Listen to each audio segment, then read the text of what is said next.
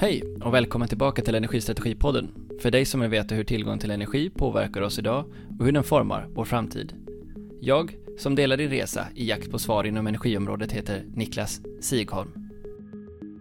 Yvonne Revaida är affärsstrateg på Vattenfall Eldistribution och har jobbat med kapacitetslösningar, flexibilitetstjänster och flexibilitetsmarknad ett tag nu. Hon leder den svenska demonstrationen av Sveriges första flexibilitetsmarknad genom Coordinet och projektleder även Stockholm Flex för Vattenfall eldistributionsräkning. Om vi går mot en verklighet där flexibilitetsmarknader blir allt viktigare både nationellt, regionalt och lokalt, vad har vi då för lärandebehov framför oss? Kul att ha er med! Hej Yvonne Ruwaida och varmt välkommen till Energistrategipodden. Hej Niklas, kul att vara här. När jag var i tonåren och fick min första politiska uppvaknande, då var du ordförande för Grön ungdom. Är det sant? Vad kul. Ja. Och nu så sitter vi här och ska prata om relativt ingående om eldistribution och elkvalitet och flexibilitet på elmarknaden. Kan du ge oss lite kontext, även om du är mer kanske känd från partistyrelsen i Miljöpartiet. Så hur, hur har den där vägen sett ut från dig, för dig hit? Ja, alltså, jag är ju en väldigt engagerad människa som brinner för eh, miljöfrågorna, klimatfrågan och även lika rättigheter. Och eh, jag tycker det jag gör idag är lika viktigt för de frågorna som det som jag gjorde i Miljöpartiet. Eh, så för mig är det ganska självklart att göra det jag gör. Men det kanske inte är så otroligt självklart att jag valde att bli kraftsystemingenjör och också jobbar med just elnät. Det trodde nog jag inte själv. Men när jag satt i riksdagen och jobbade med budget, budgeten så fick jag väldigt ofta höra varför gör vi inte mer för sol och vind? Så jag började lite grann faktiskt tillsammans med en kollega, eh, Walter Mutt, och göra lite så här studier i vad händer i andra länder, vad händer i Tyskland, vad händer i Danmark, vad händer i Texas, vad händer i Kanada som inte händer i Sverige?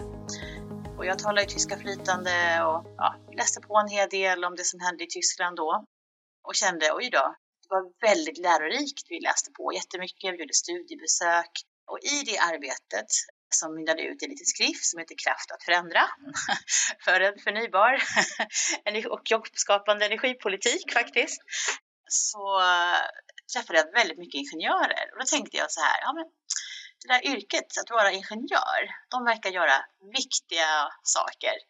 Eh, och samtidigt så liksom handlar det väldigt mycket om problemlösning.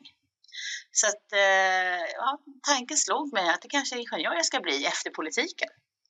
Eh, och då ville jag faktiskt läsa lite hardcore ingenjör. Så det blev faktiskt elkraftsingenjör. Jag läste just om kraftsystem och elnät och elproduktion. Och det har jag inte ångrat en enda sekund. Vilken tanke ändå. ja. Så utgångspunkten för att bli ingenjör var alltså jag vill få vara med och påverka? Ja, men alla påverkar ju var man än är. Du påverkar som förskollärare och du påverkar som ingenjör. Så att eh, man påverkar där man är. Och då hamnade du i Luleå? Då hamnade jag på Luleå tekniska universitet och eh, branschens första eh, utbildning till elkraftsingenjör. Så jag gick faktiskt första året tillsammans med mina kursare. Eh, så vi var lite försökskaniner också, men vi hade otroligt engagerade lärare som jag delvis fortfarande har kontakt med. Vad kommer att bli ditt favoritområde? Ja, något så otroligt nördigt. Och det här är många skrattat åt av mina både gamla och nuvarande vänner och släktingar. Eh, elkvalitet tyckte jag var jätteroligt. Det var därför som jag ville göra mitt examensarbete på ett elnätsföretag, nämligen Vattenfall Eldistribution. Ett av eh, några av Sveriges experter på elkvalitet finns nämligen på Vattenfall Eldistribution. Så jag gjorde mitt examensarbete om övertonshalten i lågspänningsnätet. Det var inte riktigt vad jag hade tänkt mig, för jag hade tänkt mig lite mer att försöka förstå hur nya produkter som folk köper, alltså eh, hur de påverkar elkvaliteten i nätet och se det här samspelet. Men eh, ja, jag lärde mig otroligt mycket och jobbade också faktiskt efter examensarbetet med elkvalitetsärenden bland annat några Teslor som hade problem med sin laddning. Men problemet var inte elnät. Problemet var faktiskt inställningen som Tesla hade på laddarna. Och det lyckades jag upptäcka, så det var en väldigt rolig resa. Var det Tesla-ägarna då som fick problem eller vad, hur, hur upptäcktes det? Ja, så det som, de ringde ju till sitt elnätsföretag för att laddningen stannade. Och då stod det nämligen på deras app att eh, det berodde på att eh, det var för låg spänning. Och jag hade två sådana ärenden och vi satte ut lågs, alltså elkvalitetsmätare och gjorde mätningar och det var inga problem med spänningsnivån. Den var inom eh, alla riktlinjer. Men det var så att på den tiden så hade Tesla fel gränsvärden jämfört med att det är olika gränsvärden i olika länder. De hade helt enkelt gränsvärdena som man använde eh, i andra länder eh, och hade lagt dem på alla länder rakt av utan att förstå att det skiljer sig lite åt i olika länder. Vi ska inte prata om Nej. det här egentligen, men, men, men ändå tror jag det är intressant för många, bara du får höra liksom, vad, är, vad är elkvalitet och varför är det viktigt? Nej men alltså el har ju kvalitet precis som eh, eh, vatten också har olika kvaliteter. Och vatten kan ju vara förorenat, du kan ha för lite vatten och du kan ha för mycket vatten eller för högt tryck i vattnet. Eh, och det är ju sådana saker som, som är viktiga för vattenförsörjningen och samma sak är det med, med elen. Du kan få en elkvalitet som påverkar din utrustning hemma. Det kan vara liksom eh, fel frekvens eller det kan vara övertoner i, i elen som eh, påverkar din utrustning. Eh, och elen måste ha god kvalitet. Eh, det kan handla om avbrott såklart, det kan handla om för hög spänning och för låg spänning. Det ser massa perspektiv på, på elkvalitet. Eh, och för att eh, det är det som är uppgiften. Eh, och det här är ju komplext för att Elkvalitet påverkas ju av kunderna, eh, vad de har för utrustning, har den utrustningen rätt standard, gör kunderna det de ska enligt avtalen, den påverkas av hur nätet är byggt. Eh, du kan ha olika situationer i olika länder för näten är byggda på olika sätt. Eh, så liksom, elkvalitet är ju en väldigt viktig aspekt och den som man känner till allra mest, det är ju den om avbrott såklart. Att man har ett, ett nät som är leverans som har möjliggör en leveranssäker överföring av el. Det är väl den frågeställningen som de flesta har hört talas om. Men vi jobbar med många fler aspekter. Men vad händer då om jag exempelvis är en hög konsument av kinesiska eh, elektronikvaror som inte har passerat igenom Elsäkerhetsverkets standarder för, eh, för hur de ska vara uppbyggda. Eh, vad kan hända då? Jag ställa dig frågan. Varför köper du prylar som inte Elsäkerhetsverket har godkänt? Det var ett hypotetiskt exempel. jag förstår. Men, eh, nej, men alltså, det är ju faktiskt, det förekommer ju eh, att eh, folk beter sig på det sättet som du berättade. Eh, och ibland kan det vara helt okej okay, och ibland kan det vara problematiskt. Och det kan till exempel betyda att eh, men du kanske får jättemycket övertoner som, som gör att din utrustning blir lite varm och ja, den eller din grannes utrustning blir lite varm. Eh, men framförallt din egen. Och då kanske det helt enkelt blir så att ja, din utrustning håller inte lika länge. I värsta fall kan det till och med bli att eh, eldlågor. Men jag kan säga så här att även om vi har, vi har ju standarder som utvecklas, men standarderna ligger ju lite efter. De första elbilsladdarna till exempel hade ju jättedålig elkvalitet. Eh, därför man hade inte de kraven man borde ha på dem. Eh, så det är ett evigt arbete med att hela tiden säkerställa att även produkterna har, kan leverera den elkvalitet de behöver leverera när de är anslutna till nätet. Ja, det här är jätteintressant. Vi skulle säkert kunna ha en egen podd om detta, men nu är det ju ändå så att du leder den svenska demonstrationen av Sveriges första och största eh, flaxmarknadsprojekt genom Coordinet och är också en drivande part inom det som heter Stockholm Flex. Kan du eh, ge oss lite kontext till vad det här Horizon 2020-projektet är för något? Ja, men jag vill ändå börja med varför vi överhuvudtaget gjorde det här projektet från början. Och då vill jag ändå börja i Uppsala där, där eh, vi hade vår första kund, eh, konsumtionskund, som, som egentligen påverkades av att vi inte fick det svaret som vi brukar få Svenska kraftnät eh, när vi skulle höja regionnätets abonnemang mot stamnätet. Och det har ju historiskt när det gäller, men liksom, jag ska säga, lite, lite större men ändå inte jättestora effekter så brukar det vara helt självklart att vi kan höja dem. Och att det liksom, ja, ska inte vara ett problem. Eller att det tar lite tid att bygga men att den tiden är överkomlig. Och plötsligt så fick vi veta att nej, men det går inte att höja mer och vi vet inte när ni kan höja. Och det tog två år innan vi fick veta när vi kunde höja. Eh, och, det, och då fick vi också besked även i Stockholm att eh, det tar väldigt lång tid innan eh, stammisabonnemangen kan höjas. Och samtidigt hade vi också de här nya aktörerna som kom in som datahallar och batterifabriker. Men här var det ju inte dem det handlade om. Den här handlade om ja, men lite större kan man säga kunder eh, som tillhör elektrifieringen. Nämligen elektrifiering av, av eh, jordbrukssektor och eh, det var någon snabbladdare och den typen av kunder. När var det, när var det här i tiden? När kom de här första tecknen? Eh, det här var 2017 och, eh, eller 2016, förlåt mig, 2016 var det här. Jag började jobba i januari 2017, andra gången på Vattenfall Eldistribution och eh, hamnade ju mitt i den här diskussionen kring vad det här betydde då.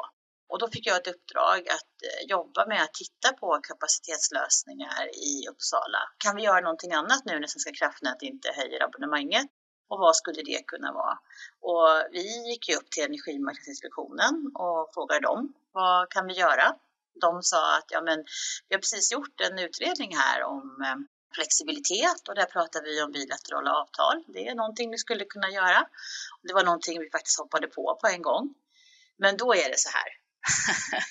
om du har ett, ett avtal i ett nät, eh, då kan ju liksom driften ringa. För Alltså, vi får faktiskt lite grann tänka oss att så är det i driften.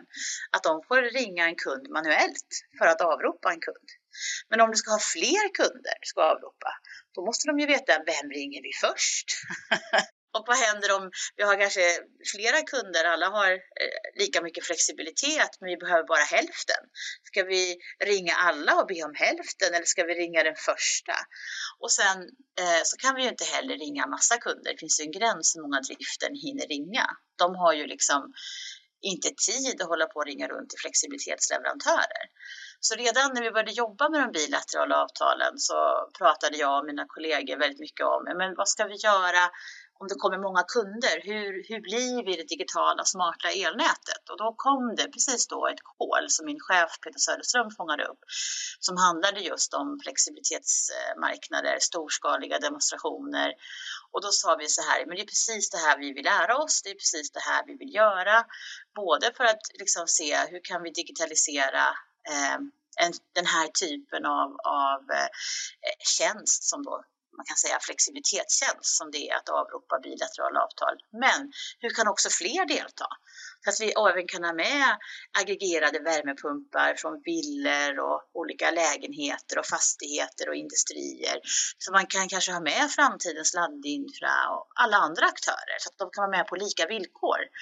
Eh, så det här blev ju det var ett perfekt eh, e EU-projekt eh, som kom just då. Eh, så vi började förbereda för det innan vi faktiskt fick pengarna. Och vi lyckades bygga ett väldigt intressant konsortium. Och på den svenska sidan så är det då de som är med oss är E.ON Energidistribution som både själva då demonstrerar sin marknad i Skåne, som de också kallar för Switch. Men de har också varit de som har utvecklat en plattform som vi använder i driften men också marknadsplatsen. Eh, och sen har vi då eh, Svenska kraftnät eh, som deltar. Vi har ju med nämligen en koppling eh, till eh, balanstjänsterna till eh, där Svenska kraftnät har en pilot för lite mindre resurser. Så att har du en resurs som är aggregerad till 1 megawatt så kan man även delta på den marknaden.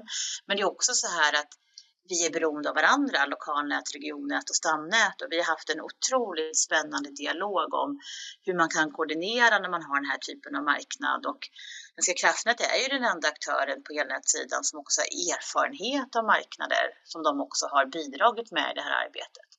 Och sen har vi med en aktör som heter Expectra eh, som har jobbat mycket med att eh, få fram de lastprognoser vi använder och vi har också med Uppsala kommun som har varit en nyckelaktör för att utan dem så hade vi aldrig haft det engagemanget som vi har i Uppsala demonstrationen eh, med olika typer av aktörer som deltar. Och sen samverkar vi ju då med alltså, alltså in, in, inte minst alla flexleverantörer som deltar, men också med Energimyndigheten som ordnar eh, Koordinetforum eh, för oss två, tre gånger per år som vi har haft som varit öppna eh, dialogforum vi har haft om de här frågorna. Och sen ska jag säga så här, vi hanterar så många frågor. Alltså det här är verkligen tvärvetenskap. Det är att utveckla nytt när det gäller affären, när det gäller nätplanering, när det gäller driften, när det gäller IT, när det gäller mätdata. Alltså det, det är otroligt spännande. Eh, och man lär ju verkligen känna både energisystemet som stort men också eh, de olika delarna av, av elnätssidan och nya sidor som elnät inte har jobbat med historiskt.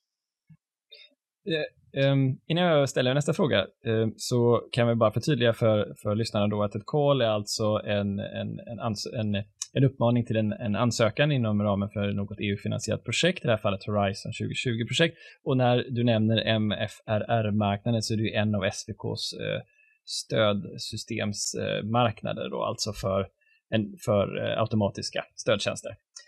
Men hur är det att eh, Vattenfall och E.ON samarbetar kring det här, för ni är ju två regionnätsägare i Sverige som ju båda har ser i sina strategier vikten av flexibilitet på marknaderna. Hur, hur, funkar det rent marknadsmässigt att ni två så rätt stora parter i Sverige går in och samarbetar om sånt här projekt?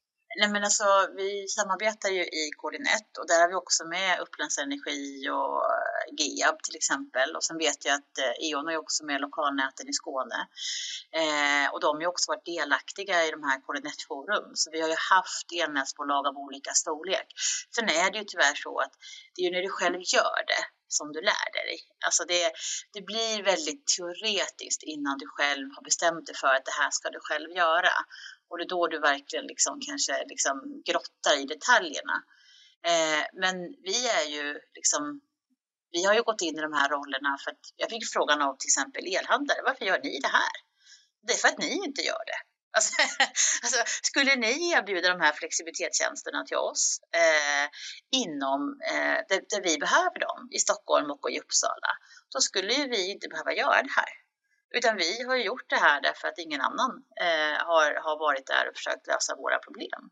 Så att, liksom, det, det har inte varit ett val som vi gjorde därför att vi tänkte åh, det här är en strategisk fråga som vi ska jobba med, utan det har faktiskt varit så här att det fanns ingen annan aktör som tog på sig den rollen. För att elhandeln idag, den bygger ju bara på elhandelsområdena. Vi har fyra stycken i Sverige.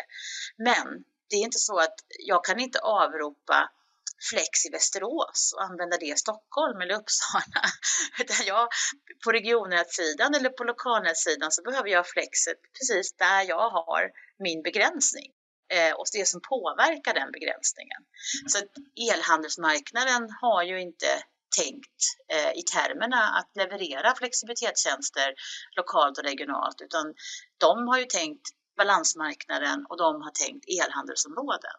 Så det är brist på att en annan aktör har varit där. Och förutom att det är E.ON och eh, Vattenfall Eldistribution så är det också Ellevio som deltar i Stockholmsflex nu i arbetet. Och vi är ju de tre största regionnätsägarna. Men vi försöker vara öppna och vara inlyssnande och ja, vår roll eh, är ju liksom inte att bestämma utan vi vi har varit de som har liksom trampat stigen först.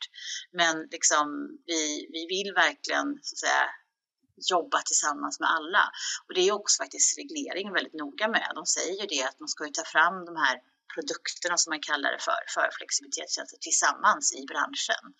Just det. Eh, Inom ramen för det energipaketet är det du pratar om då? Ja, sen har ju vi lite mer resurser och jag tror att, att eh, i och med att vi är stora bolag eh, och jag tror att de små enhetsföretagen, i alla fall de minsta, de har inte riktigt de resurserna att kanske lägga lika mycket mer tid på de här frågorna.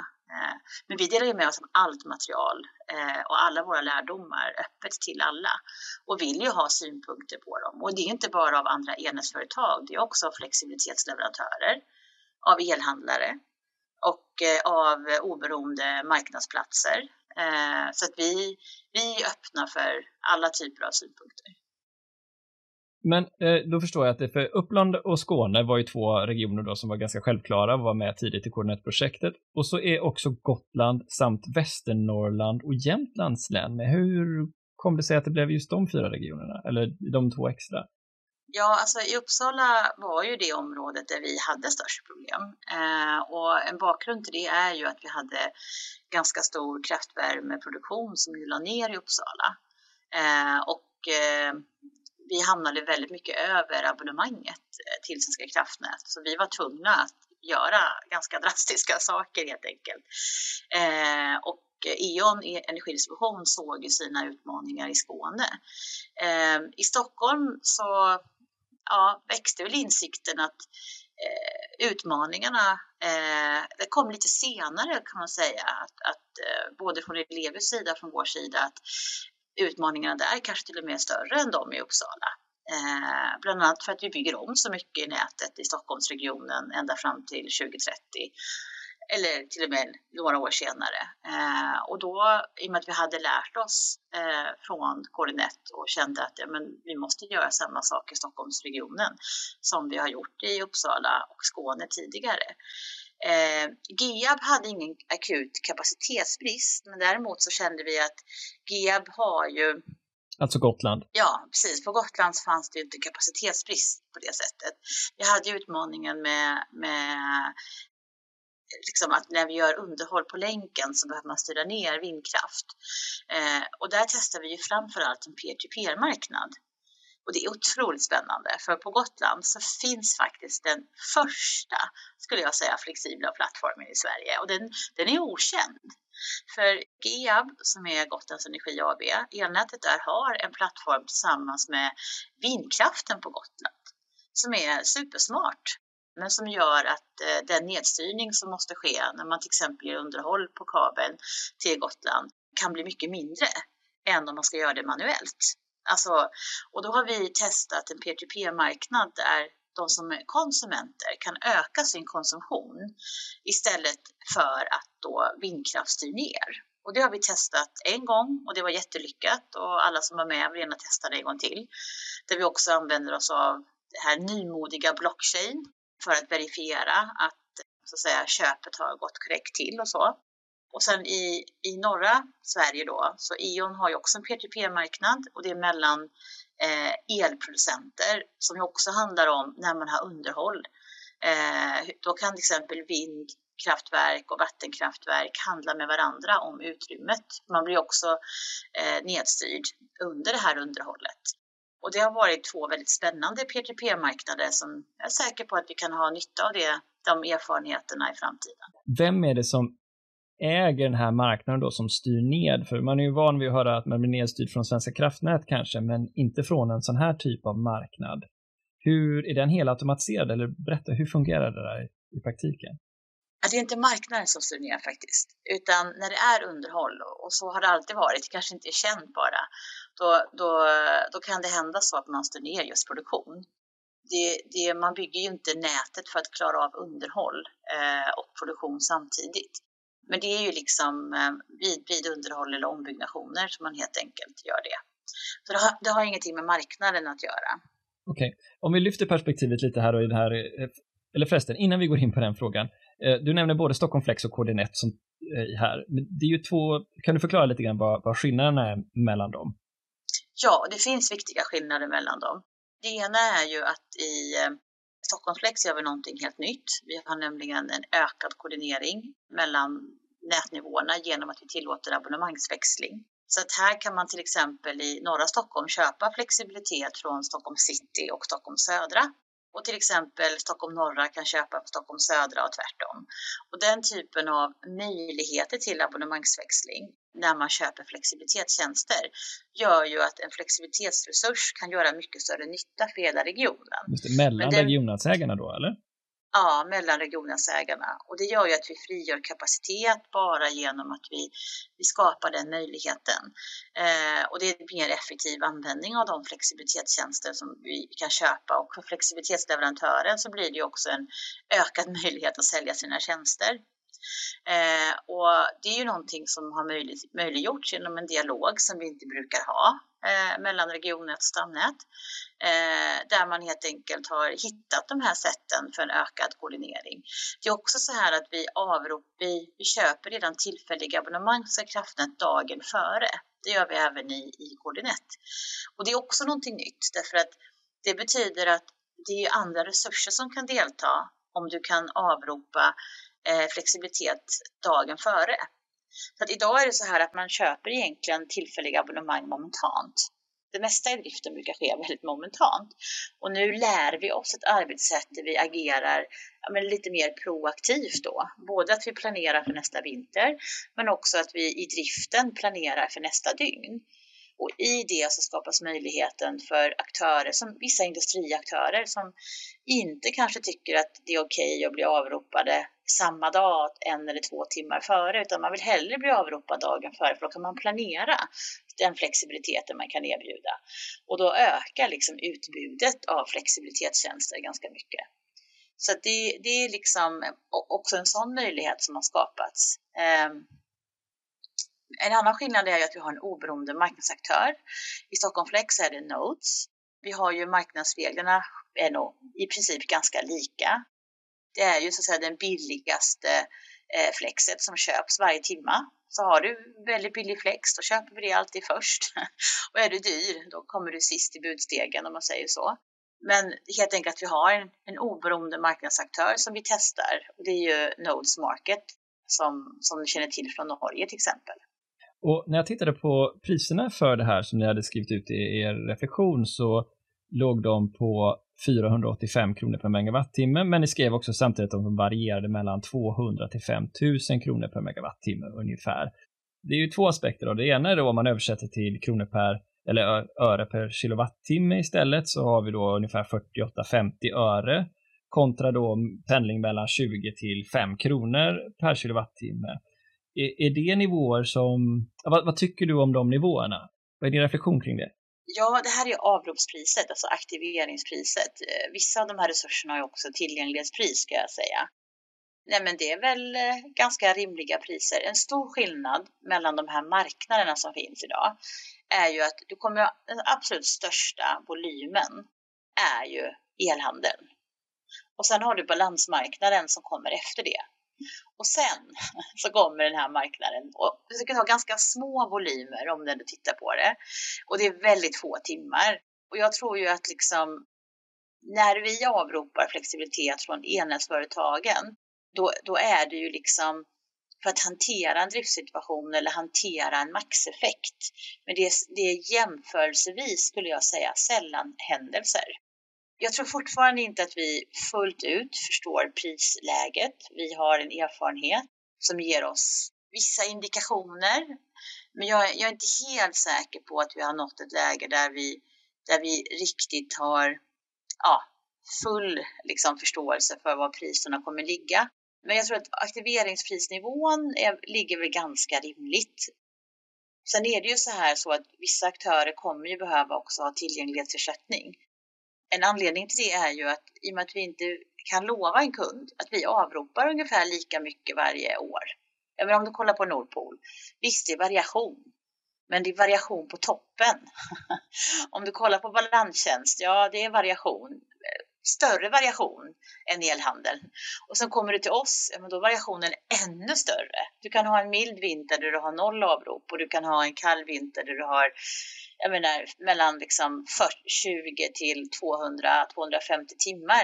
Och sen kan du ha en jättekall vinter eller ett driftsläge i det nätet som är lite udda och då kan du hamna på 500, 600, 700 timmar. Och den här variationen är ju väldigt knepig. Så du har vissa nät där du kanske bara behöver avropa en tioårsvinter. Om vi ska liksom ha likviditet så behöver vi nå olika typer av aktörer. Det kommer inte räcka med bara, bara de som är aggregerade värmepumpar och laddinfra till exempel. Eh, utan vi kommer liksom behöva en variation av olika typer av aktörer från energisektorn. Det kan vara reservkraft. De fyller olika funktioner och deltar på olika sätt. Eh, det jag tycker är spännande med den här marknaden är ju att du får ju en prissignal som gör att du använder energisystemet och dess resurser mer effektivt. Och det är det jag tycker är, är väldigt spännande. Där du liksom, eh, jag menar, du, kan, du kan få en koppling mellan värme och eh, elsektor som idag annars inte har. Det är två stuprör som inte riktigt prismässigt pratar med varandra. Du kan också, skulle kunna uppnå samma sak med den kommande laddinfrasektorn om, gör, om vi gör det här på rätt sätt eller, eller ånga eller vätgas. Att vi får de här liksom, prissignalerna som knyter ihop det här så att vi använder resurserna effektivt. För i den sämsta av världar, och det är lite grann, jag tycker lite grann det vi kommer ifrån, så har ju alla, är ju alla sektorer stuprör där man inte riktigt ser varandra. Fördelen med det som har varit, om jag ändå ska säga något positivt om det, det är ju att vi har ju haft liksom en situation där man inte haft brist. Och det har vi ju idag. Och jag tror att vi kommer leva med att, att vi behöver vara effektiva. Och liksom, historiskt har inte vi brytt oss om det här med effektiviteten lika mycket. Men jag vill ändå säga en sak, för det finns en del som hävdar, ja men vadå, det här med flex, det är nytt. Det här med flex är inte nytt. Innan avregleringen så hade vi flex. Alltså, att Sverige är så duktiga på att ha marknader idag för balanstjänster jämfört med Sydeuropa till exempel, det beror ju på att den statliga aktören, Vattenfall till exempel, hade vattenkraft som hade utrustning som känner av frekvensen och, och som, som nu har blivit två marknader, AFRR till exempel, liksom, eh, och FCR-marknaden, som helt enkelt liksom, kunde då användas för balansering. Eh, vi har haft det som kallades för rundstyrning, det är att man styrde elpannor. Vi har ju haft väldigt mycket och har fortfarande väldigt mycket elvärme i Sverige. Och det styrde man från lokalnätsbolagen faktiskt. Så att alltså går du tillbaka så hade vi mer en ingenjörsmässig lösningsinriktning. Alltså man, man löste problem och hittade lösningar där flexibilitet var en del av lösningen. Men det var en flexibilitet utan marknad, utan marknadsmässiga köp eller marknadsvillkor. Utan man bara man, man löste problem. Så att de som tror att, men det, om vi kan gå tillbaka till förr så hade vi kopparplatta och alla var lyckliga eh, och vi hade aldrig brist. Jo, vi hade bristsituationer och vi hade flexibilitet, men det hanterades av ingenjörerna. Det var ingen utifrån som såg det riktigt sådär. Medan vi då idag, vi har haft en period där vi har haft eh, kopparplatta som man kallar det för och inte behövt tänka på att vara effektiva eller att liksom hitta andra lösningar och så, så kommer det inte vara. Jag vill också säga en annan sak. Uppsala kommun gjorde en väldigt intressant reflektion som jag verkligen ja, öppnade även upp ögonen för mig. För de sa så här, om jag kollar på våra nya, om vi gör prognoser framåt och vi kollar på vad är det för nya aktörer som kommer in? Väldigt många av de aktörerna har en potential att vara flexibla. Alltså mycket av det här, en del av elektrifieringen har ju liksom potential till flexibilitet. Och då kan man ju fundera på, eh, vi har ju liksom utmaningar här med att klara av elektrifieringen. Ja, men en del av att se till att vi klarar elektrifieringen och klimatomställningen och tillväxten med jobb och sånt, ja men den handlar ju om att vi använder de resurserna vi har på ett smart sätt. Och kanske flexibilitet är en del i det.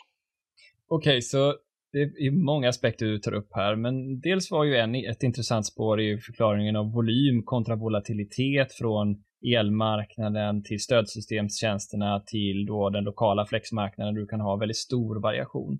Mm. Eh, den andra delen handlar om hur marknaden frigörs där det är många fler aktörer, även den som har en elbil skulle kunna vara med på den här marknaden på sikt, inte bara en, en direkt ingenjörsmässig koppling mellan hur det eh, hur eh, nätägaren ser att man kan reglera egna produktionsförmågor för att styra balans och sådär. Så att det, det innebär ju då att en himla massa mer kommunikation måste ske. En fråga jag tänker kring det här är ju då, ni levererade förra året i systemet eller handlade med ungefär 2300 megawattimmar. Och en sån faktor, hade vi en hyfsat mild vinter även om det var en kall februari-mars. Men eh, det är ju också så att vi ser på el, elmarknaden nu en, en tilltagande variation i, i priset, onekligen. Eh, jag antar att det också finns, inte bara förutom den uppenbara kopplingen till temperaturen utomhus, en koppling också till, till den ökade variabiliteten i systemet, vilket skulle kunna leda då, om jag förstår saken rätt, till att ni skulle kunna få högre volymer även om det nödvändigtvis inte blir kallare framåt. Förstår du rätt då? Ja, jag är inte, jag är inte helt säker på det, ska jag säga. Jag har inte sett ett sådant samband än idag i alla fall. Um, uh, att elpriserna på något sätt får den effekten. Uh, Alltså vi har ju haft väldigt låga elpriser eh, och det har gjort att kraftvärme i Sverige har lagt ner och det har ju påverkat kapacitetsbristen. Eh, om man säger så, att man inte använt kraftvärmen. Det är inte bara det att den lägger ner, ibland finns det, men den används inte för att elpriserna har varit låga. Så att liksom det här att, att det nu har varit lite hög eller alldeles för höga elpriser då, eh, det bidrar ju ändå till att kraftvärme till exempel är, är attraktiv. Sen vet inte jag om, alltså ja, det, jag har inte sett idag ett samband som säger att det vi har sett nu i sommar när det gäller elpriserna kommer få en effekt på de här marknaderna. Men vi får väl se vad som händer. Däremot det som, det som är viktigt att förstå och som ändå är nytt för elnätsbranschen, det är ju att nya aktörer beter sig, alltså aktörer som, som vi känner till beter sig annorlunda. Hur då? Jag menar pappersbruk som lägger ner ja, till ja, exempel. Ja, mm. eh, och så betyder det att du får plötsligt, eh, du har för mycket produktion eh, i det regionnätet därför att den, de, vi, produktionen var anpassad till och elnätet var anpassade till att du hade konsumtion som kom från en ganska stabil aktör som, som konsumerade ganska stabilt över i alla fall liksom, eh, ja, under året. Som gjorde att man, man har ju liksom anpassat nätet till de kunder vi har. Och det, det är ändå någonting jag har sett är ju att en del kunder som tidigare har känt som att de beter sig likadant, beter sig annorlunda. Det är kraftvärmen en exempel eller en väldigt aktiv värmeaktör som plötsligt liksom börjar optimera sin verksamhet på liksom helt annat sätt än tidigare eller industrier som ja, men ändrar, men försvinner till exempel. Det är ju någonting helt nytt som inte vi som elnätsbolag riktigt är vana vid att det händer och det kräver ju att vi får mycket mer information. Jag menar idag är det så här att en kund kommer, de vill ha mer el, men en kund kommer ju inte höra av sig och säger vi ska lägga ner. och det kanske är så, eller att vi ändrar vårt beteende. Utan vi brukar säga så här, ska ni öka ert uttag, då får ni höra av er. Men om en aktör plötsligt, ja, alltså vi, vi behöver nog ställa nya frågor till våra kunder så att vi vet lite bättre vad de kommer att göra. Och sen den andra frågan är ju att de nya aktörerna är ju, är ju det finns ju hur många scenarier som helst på hur de kan tänkas agera i framtiden. Du kan göra otroligt många scenarier på hur kommer det se ut med laddinfra för tung industri och för bussar och personbilar. Liksom. Eh, det går att göra massa olika antaganden som skapar helt olika scenarios. Eh, kommer alla vara elektrifierade eller kommer delar vara vätgas? Kommer delar vara biobränslen? Eh, kommer det vara snabbladdning eller inte? Hur länge kommer det vara snabbladdning? Kommer det vara det i 5-10 år eller liksom alltid? Det finns så många frågor och variabler som gör det väldigt svårt för oss att prognostisera. Och vi har ju också liksom, jag menar datahallar som egentligen är beroende av att ha ett kundunderlag och som kanske hoppas på ett kundunderlag. Medan den gamla industrin, de köpte ju maskiner som var ganska dyra medan liksom en datahall köper ganska billig utrustning.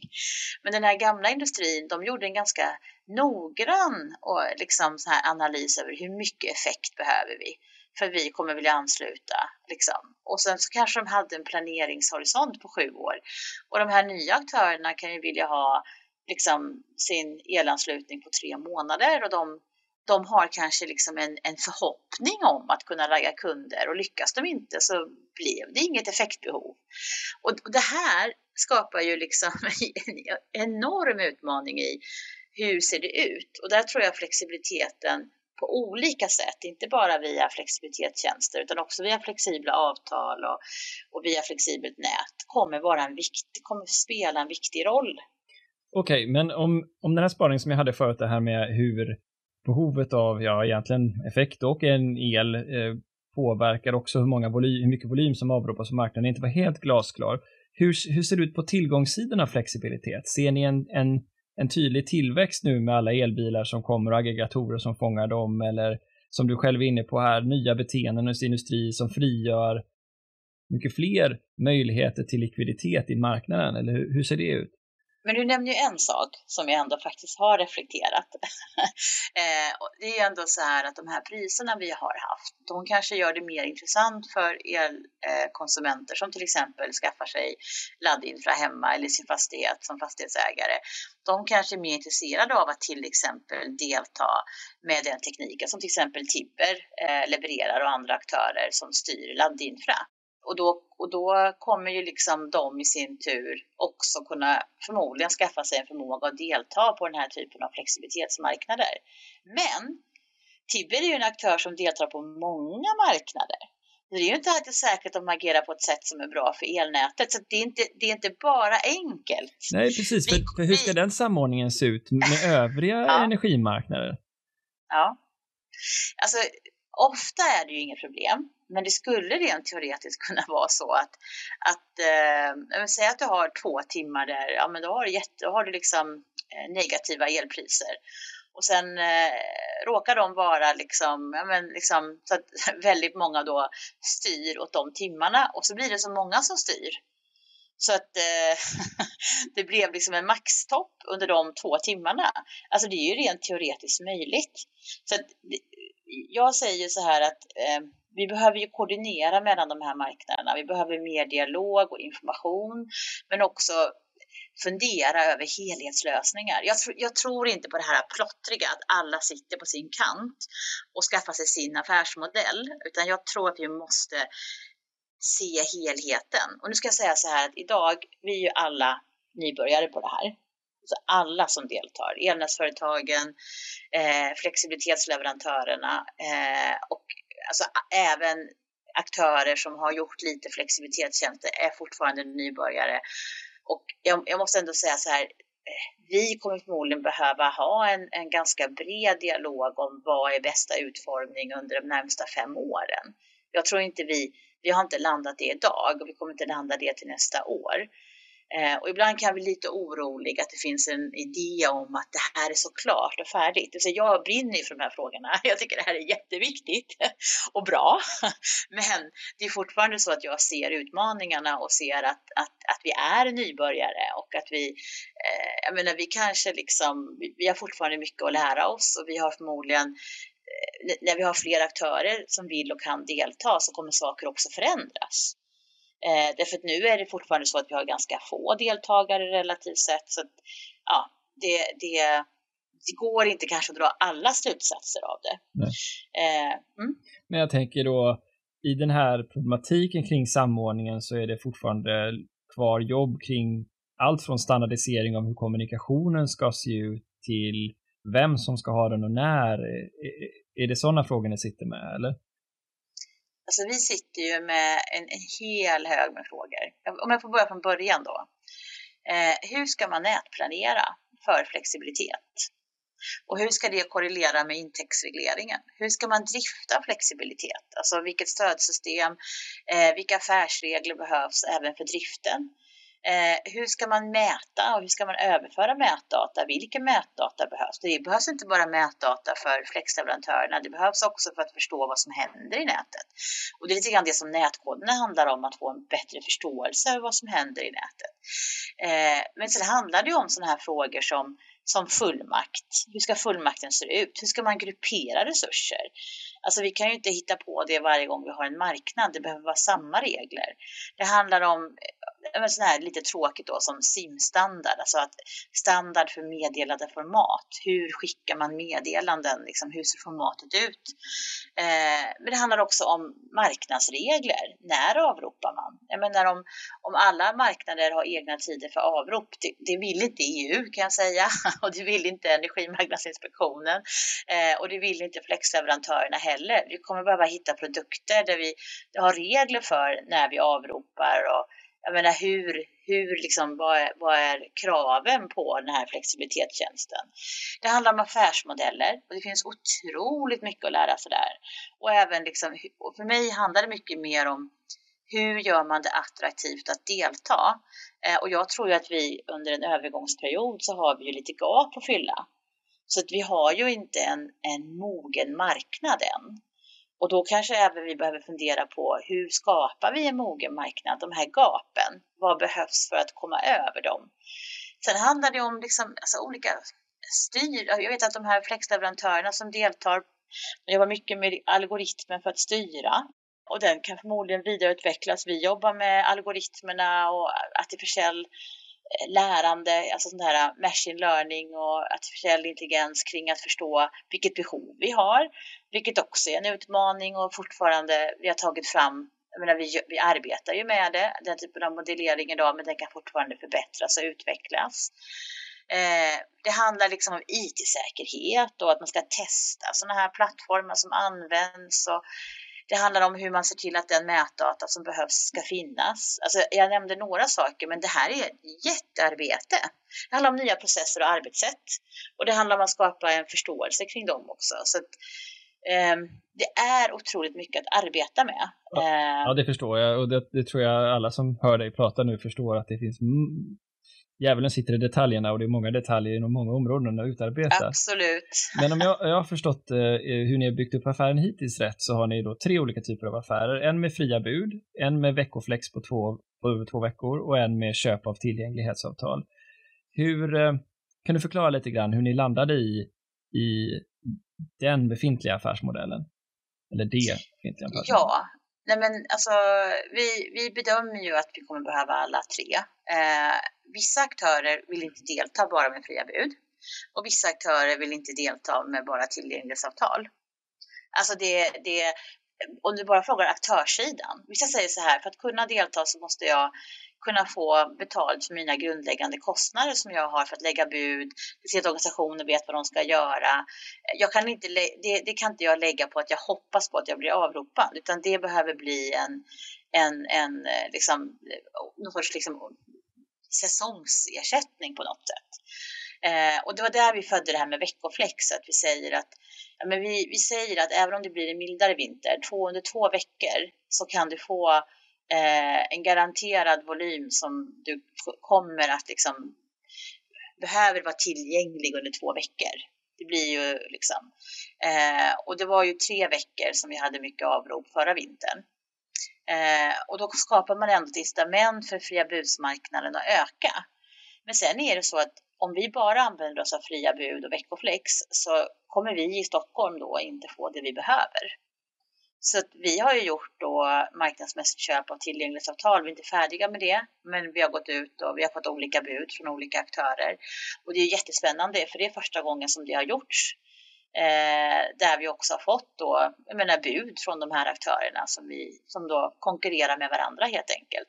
Och då kan vem som helst delta. Du kan vara en liten aktör som har mindre aggregerade resurser och du kan vara liksom en reservkraftsaktör eller du kan vara en ja, värmeaktör eller liksom bredden är ju det är en stor bredd helt enkelt.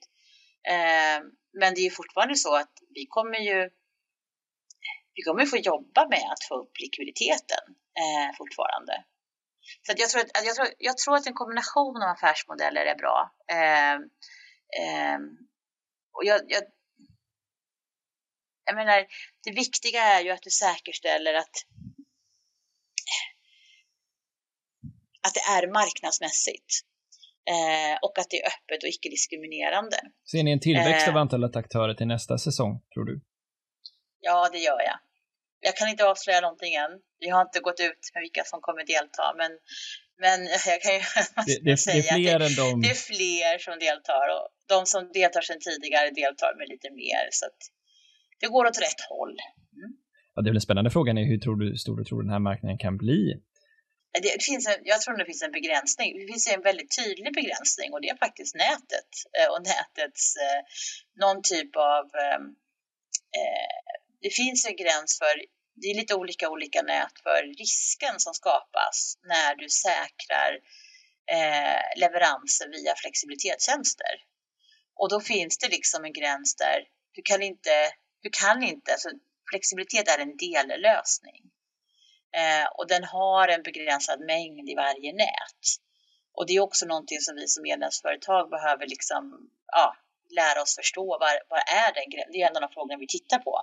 Var är den gränsen? Liksom, vad är en acceptabel risknivå om man säger så? Eh, för det är ju det man måste liksom bedöma och värdera. Så det, det, du kan inte lösa allt med flex. Eh, Nej, så, ni måste hitta en risknivå både då för nätägare, aggregatorer och flexleverantörer samtidigt låter det som. Ja, det är faktiskt en, det är en, en, utmaning. Sen är det ju så här, vi sitter ju i en kontext, vi har en intäktsreglering, eh, vi har ett tariffsystem som har handlat om andra aspekter än flexibilitetstjänster. De har ju inte skapats för att möjliggöra eh, att, att man marknadsmässiga köp med flexibilitetstjänster, utan den har ju handlat om bara kostnadsriktighet, fördela kostnaderna eh, korrekt. Eh, och det är lite olika saker. Vad har du för önskemål? Nej, men vi behöver ju en, vi behöver ju veta vad vi tycker är rimliga, rimliga prisnivåer för flexibilitetstjänster. Vi kommer nog inte komma till det till nästa år, men om jag får verkligen drömma så behöver vi, vi behöver kunna förstå det här och sen så kan det också speglas lite grann i tariffsättningen. Att man kan få ihop de två prissignalerna lite bättre. Men du då som sitter med all den här kunskapen om eh, det begynnande liksom, lokala flexibilitetsmarknaden. Du tittar ut på den marknadsdesign som vi har just nu med Energy Only och hur ja, produktion och efterfrågan eh, följs åt men leder till ökad variabilitet i systemet. Hur ser du, som också har ett sånt eh, som bred plattform från politiken, på behovet av gemensam planering också för det nationella energisystemet, till skillnad från hur det var förr? Nej men alltså, eh, vi hade ju gemensam planering förr. Ah, ja, okay. du eh, tänker på kärnkraftsutvecklingen då? Typ. Nej, men jag, jag, jag, nej, jag tänker på tiden innan avregleringen så hade vi ju en, en jag menar, branschaktörerna samarbetade ju med varandra. Det, det, var ju väldigt mycket ett samarbete mellan ingenjörer skulle jag säga. Eh, nej men, vi behöver nog mer av en, en gemensam förståelse och, och dialog eh, kring, helhets, kring helhet. Eh, så är det och kring aspekter som kanske inte de här prissignalerna som finns idag bryr sig om. Eh, så att, eh, det, det, finns en hel del att jobba med och jag kan ju reflektera över att det är så populärt. Alltså den här, jag, jag tycker att den är, är tröttsam, den här diskussionen om olika egentligen eh, typer av lösningar. Någon älskar värmepumpar och någon älskar solceller och någon älskar vindkraft och någon älskar kärnkraft och någon älskar kraftvärme och sen så ska de slå varandra på huvudet och säga vem som är bäst. Eh, men, eller energilager eller alltså batterier eller vad det nu kan vara. Eh, istället för att se att vi måste hitta helhetslösningar Eh, och att även systemfrågorna måste diskuteras och de diskuteras ju väldigt sällan utan de blir de en diskussion om kärnkraft eller vindkraft till exempel istället. Eh, och det är väl för att det är liksom roligare att prata på det sättet. Men, men egentligen finns det ju alltid olika lösningar på systemfrågor. Det är alltid en fråga om eh, jag menar, pris och, och, vad man behöver göra för åtgärder. Men vi skulle behöva ha mycket mer en, en förståelse för helheten. Och jag, jag, tror att det är för få i energisystemet som jobbar med helhetsfrågorna. Jag tror att det är för många som jobbar med eh, olika sektorer helt enkelt eh, och sin nisch eh, och, och att göra pengar inom den nischen. Eh, för det är väldigt få, det är ju elnätsföretaget och Svenska kraftnät som har någon sorts liksom, större helhetsansvar. Eh, men för många andra så handlar det om att man, man säljer sin produkt. Ser du någon eh, väg framåt i den problematiken? Eh, antingen då att det är människor som företräder ett specifikt teknikslag eller en politiker som företräder en typ av eh, system. Alltså jag tror vi kommer vara tvingade att titta på helheten och vi kommer vara tvingade att eh, titta tvärsektoriellt. Eh, och det är ju bara med de utmaningarna som elektrifieringen har framför oss. Men det är jobbigt att börja den resan och det kommer kräva att vi liksom Eh, vi kommer ju även behöva, alltså, jag menar, energibranschen behöver förstå transportbranschen och deras behov. Liksom. Jag menar, vilka behov har godstrafik? Och vilka, alltså, vi kommer behöva liksom, lära oss nya saker för att förstå helheter. Eh, och, ehm, eh, så jag tror nog att vi, vi har inget annat val än att vi behöver börja titta på de här frågorna på ett lite annat sätt. Liksom. Eh, och sen tror jag att de här typen av marknader som jag har fått lyxen att jobba med är ju ett sätt där man ser lite mer helhet och de som jobbar i de här projekten gör ju det. Eh, det är väldigt utmanande men det är väldigt roligt. Det är många som säger så här när de börjar med koordinator i Stockholmsflex, då är det så här, där, man går in i det och sen tänker man åh vad mycket information. Hur ska jag ta till mig av allt det här liksom? Och sen så går det ett tag och så lär sig ju folk, så är det ju. För jag, jag tror nog att liksom, eh, vi kommer behöva göra den resan. Eh, det finns inget annat val. Eh, så jag hoppas att det blir en spännande läranderesa framåt. Om vi avslutningsvis lyfter perspektivet upp en abstraktionsnivå till så finns ju också då i själva Cornet-projektet Spanien och Grekland med. Men frågan jag kommer till är egentligen hur det här skalas till Norden, till resten av Europa. Finns det sådana idéer och tankar kring det här arbetet också? Men det är jättespännande. Men jag kan säga så här att i Spanien så har de faktiskt för första gången eh, köpt marknadsmässiga tjänster på en flexibilitetsmarknad från den eh, spanska TSO, det vill säga deras motsvarighet till Svenska kraftnät. De har aldrig gjort det innan. det är något som vi i Norden har gjort under väldigt lång tid. Så vi befinner oss på europeisk nivå på väldigt olika mognadsgrad skulle jag säga. Men det finns ju länder som kommit längre än oss. England är ett sådant land. Eh, jag tror lite grann också Norge ligger lite före. Eh, och sen finns det ju länder som ligger kanske liksom mer nära oss erfarenhetsmässigt som Belgien och Finland och, och Holland kan jag tänka mig. Eh, och även Danmark eh, där man ändå liksom eh, har ett visst lärande eh, ambitionen är ju att vi ska ha europeiska regler. Jag tror man får liksom börja försiktigt med vad som ska vara på europeisk nivå. Um, och jag tror att man, man, eh, jag menar, jag ser ju bara här i Sverige att, jag menar, vi har ju, jag skulle ändå bedöma en fem år framför oss innan vi har de produkter som vi i Sverige känner oss helt trygga med. Och det kanske är så att vi samtidigt kan ha styggat oss med, med Norden liksom. Eh, men ja, jag, jag, tror lite grann eh, man får ha lite respekt för att eh, det, det får, måste få ta lite tid. Liksom. Och det är inte så eh. att eh, helt plötsligt kommer Tyskland med sin design och, och trumfar oss genom att driva igenom det en EU-reglering? Så just på den här fronten så ligger de faktiskt inte helt eh, före. eh, men, och därför är det bra att vara med i sådana här EU-projekt. Eh, vi sitter ju med i ett samverkansprojekt som heter Bridge Eh, där vi diskuterar erfarenheterna från olika flexibilitetsprojekt på EU-nivå. Så det handlar ju inte bara om flexibilitetsmarknad, det handlar både om, om TSO-marknader, DSO-marknader, men även om tariffarbete på, på de här nivåerna. Eh, och jag upplever ju att, att då är det ju bra att vi har svenska DSOer och TSOer som deltar i den här dialogen. Eh, det är en förutsättning. Så det är ju strategiskt rätt att delta i den här typen av EU-projekt. Om du eh, nu vore någon på en eh, eh, ett elnätsbolag någonstans i Sverige och lyssnar på det här och man kanske känner att man inte kommit så långt. Vad, och, och som därtill då sitter på en marknad där man börjar få slut på effekt. Vad skulle din rekommendation vara till en sådan person som börjar fundera på hur vår marknadsdesign ska se ut framåt? Alltså min, min, min, rekommendation är kom och prata med oss. Vi delar jättegärna med oss av våra erfarenheter både i Kolinet Stockholmsflex.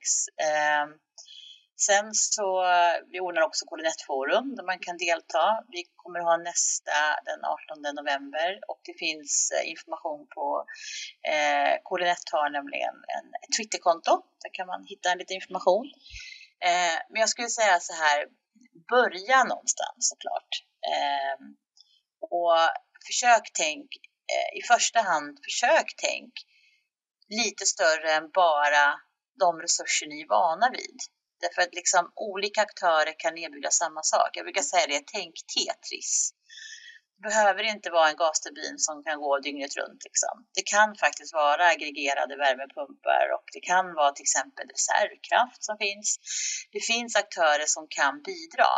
Och sen är det så här att, att man behöver inte vara rädd för Eh, att ordet reservkraft kan ju väcka en massa känslor, men Eh, reservkraft är ju någonting som idag finns och som används för eh, i massa olika fastigheter. Eh, och man, man testkör ju, sjukhus har ju reservkraft, arenor har reservkraft till exempel. Eh, men det är ju så här att de testkörs ju och sen används de om det blir elavbrott. Men tänk om vi kan se reservkraften i nätplaneringen. Det gör vi inte idag. Det skulle vara en jättevinst och det skulle inte betyda att vi använder reservkraften så mycket mer än vad den används idag. Det skulle bara innebära att den synliggörs. Eh, men tänk gärna liksom lite bredare. Det är också det regleringen vill att vi gör. Ehm, och ja, som sagt var, vi är många medarbetare i olika eh, företag, både Vattenfall eldistribution och E.ON energidistribution och eh, eh, Ilevio, Ellevio och Svenska kraftnät eh, och även Nodes Market som gärna berättar om våra respektive erfarenheter. Det är jag väldigt säker på. Och nu sitter du här, eh, om man går tillbaka och tänker på när du jobbade för Miljöpartiet och pratar om ganska nördiga frågor om energisystemet. Är du, hur ser du tillbaka på din resa? Är du glad att du bytte in i, eh, till energiområdet? Ja, men jag, jag tycker jag, det är ett privilegium att få jobba med otroligt mycket kompetenta människor, otroligt roliga och viktiga frågor och med innovation för framtidens elnät. Eh, och jag kände ju redan när jag började plugga till elkraftsingenjör att det här, det kändes eh, väldigt, väldigt roligt. Jag måste ju ändå säga det att eh, viss matte kändes ju lite tuff då. Som gammal naturvetartjej hade jag rätt okej okay för matten, men den, den, den, är lite tuff. Men jag brukar säga det till andra unga tjejer att eh, ta er igenom den. Ni behöver inte glänsa eh, varje kurs. Eh, det är värt det, därför det är en otroligt intressant bransch. Eh, och Eh, det behövs väldigt många liksom, människor som kan bidra till problemlösning och förändringsledning och det finns väldigt mycket spännande att göra.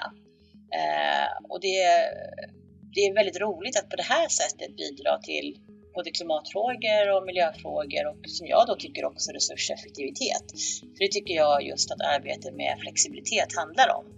Att man resurshushållar och det, det har alltid varit någonting jag tycker det har varit otroligt viktigt. En av de liksom, viktigaste frågorna. Så jag är, ja, jag tycker det är jätteroligt. Det hörs väl på mig att jag tycker att det är jätteroligt. Du Yvonne, tack så hemskt mycket för att du var med i Energistrategipodden. Tack så jättemycket och eh, tack för en jättebra podd.